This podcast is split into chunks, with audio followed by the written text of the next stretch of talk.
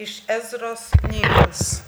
Pirmaisiais persų karaliaus Kyro valdymo metais, įdant išsipildytų viešpaties žodžiai, tarti Jeremijo lūpomis, viešpats paskatino persų karalių Kyrą, kad tas visoje karalystėje žodžiu pagarsintų, taip pat ir raštu apskelbtų.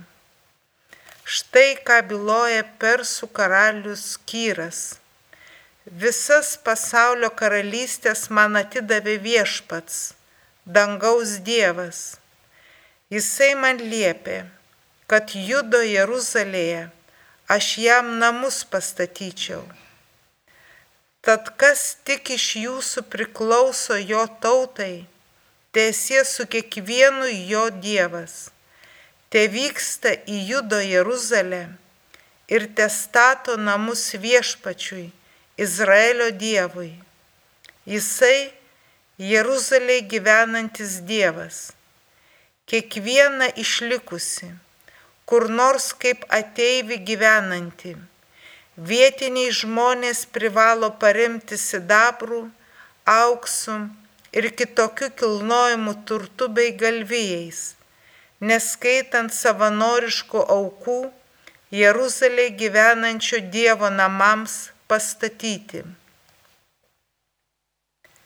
Tuomet pasikėlė Judo ir Benjamino šeimynų galvos, taip pat kunigai ir levitai, visi, kurių dvasia paskatino Dievas ir iškeliavo statyti Jeruzalėje gyvenančio Dievo namų. Visi jų kaimynai juos gausiai parėmė sidabrų, auksu, kitokiu kilnojimu turtu, galvijais ir brangenybėmis, neskaitant to, ką kiekvienas dar atskirai šventyklos statybai aukojo. Tai Dievo žodis. Tikrai mums viešpats stebuklą padarė. Tikrai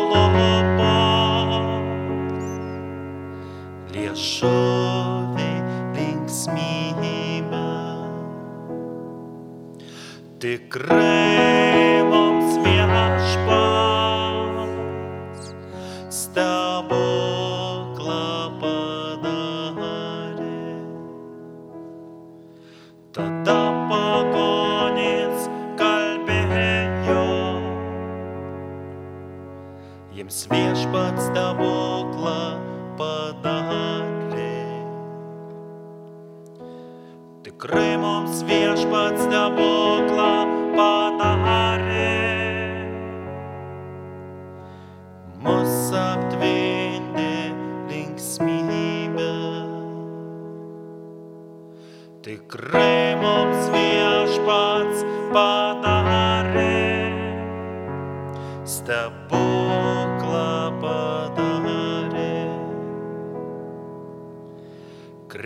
viešpatie mūsų likimą.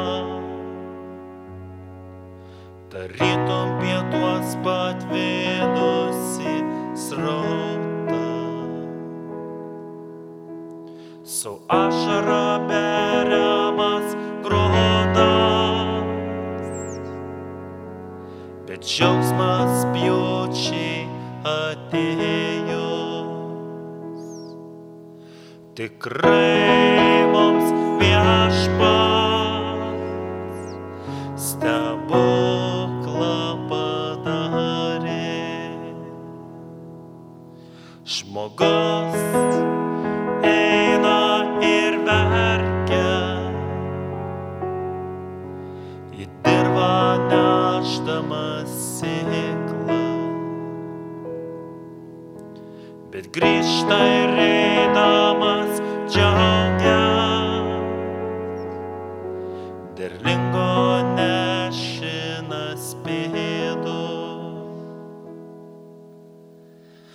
Tikrai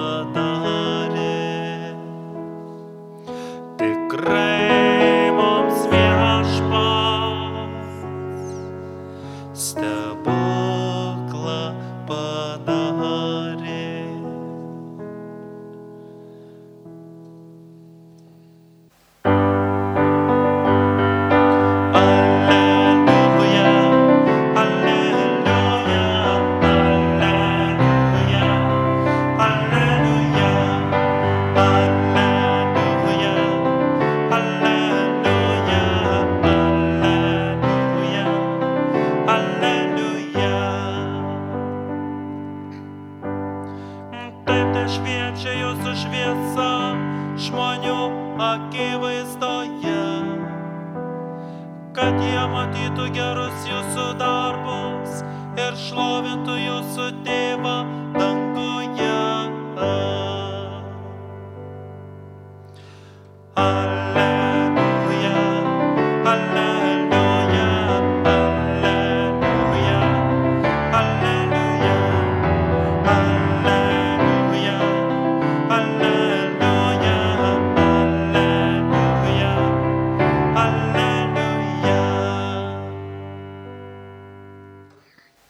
Viešpat su jumis.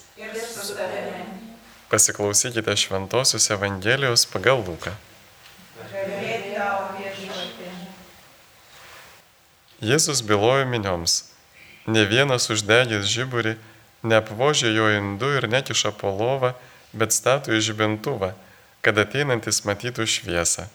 Nėra nieko paslėpta, kas nebūtų atskleista, nieko slapta, kas nepasidarytų žinoma ir neišeitų aikštėn. Tad žiūrėkite, kaip klausotės.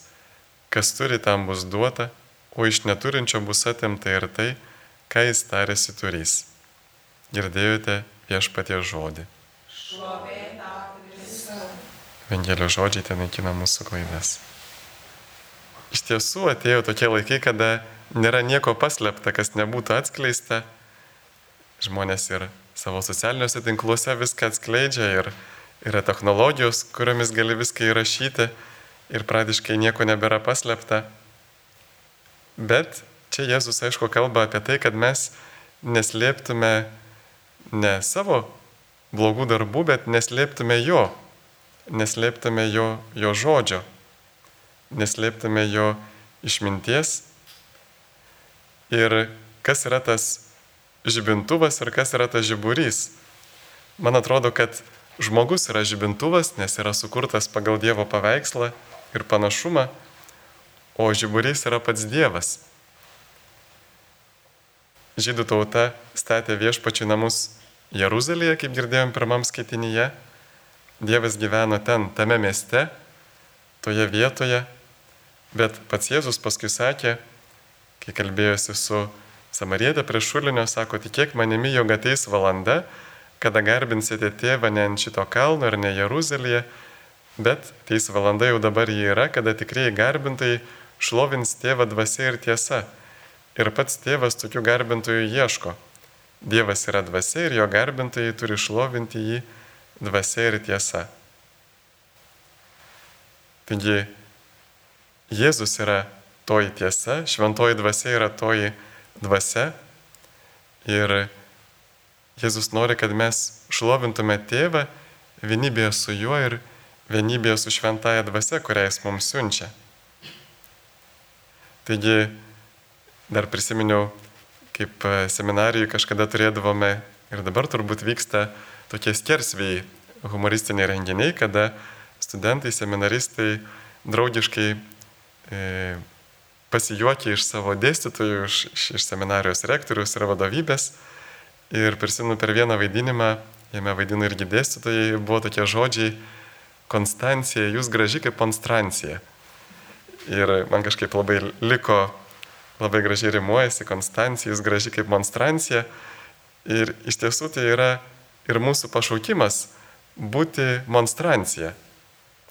Mes čia, tiksliau jūs, aš mėgojau, bet jūs adoravote švenčiausiai sakramentą ir žvelgėte monstranciją ir į Jėzų esantį joje. Ir toks yra mūsų pašaukimas, kad kiti žiūrėdami į mus irgi pamatytų Jėzų. Ir tai, kai mes, kad mūsų gyvenimas jisai pagarbintų tėvą e, ypatingai savo darbais, kaip e, skaitėme priegesmėje, gėdojame, tai šviečia jūsų šviesa žmonių akivaizdoje, kad jie matytų gerus jūsų darbus ir šlovintų jūsų tėvą danguje. Ir čia turbūt ir yra tas kriterijus, pagal kurį Dievas mums duoda dar daugiau arba atima, velnės atima tai, ką mes turėjome. Būtent kaip mes klausomės. Ir hebrajų kalboje yra ne tik tai klausytis reiškia, panašiai kaip ir lietuvių kalboje, ne tik girdėti, bet ir paklusti. Ir kaip mes klausome Dievo žodžio, kaip leidžiame jam įsikūnyti mūsų gyvenime, tada mes ir turime tos šventosios dvasios malonės apščiai, bet kada Dievo žodžio neklausome, tada prarandame ir tą Dievo malonę, kurią tarėmės turi. Ir Dievo malonė atėjo pas mus tiesa ir malonė per Jėzų Kristų. Taigi svarbu ne kurioje vietoje garbinu Dievą, bet svarbu su kuo jį garbinu. Kartą vieno kareivio mama susirgo Amerikoje ir jis niekaip negavo leidimo grįžti ir jam karo vadas sakė, kad tik prezidentas gali tave atleisti nuo karinės tarnybos ir kartais vaikštinėjo sodenų liūdės Ir prie jo pribėgo toks mažas berniukas, sako, dėdė, ko jūs toks liūdnas.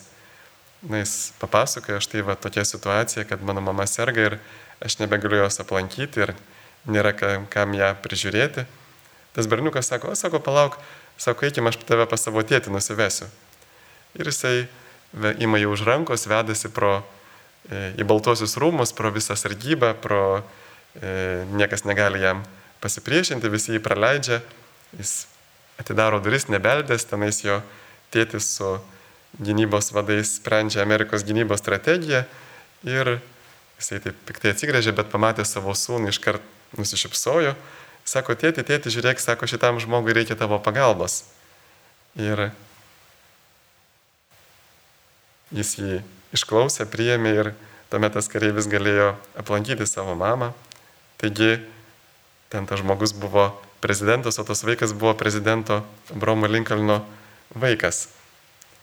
Taigi svarbu, kad mes visada būtume su Dievo sūnumi, dėl kurio tėvas į mus maloniai žvelgia ir būdami su juo, jo klausydami, mes pagarbiname tėvą, kada kiti gali matyti mūsų gyvenime ir Jėzaus darbus ir Jėzaus žodžius įsikūnijusius.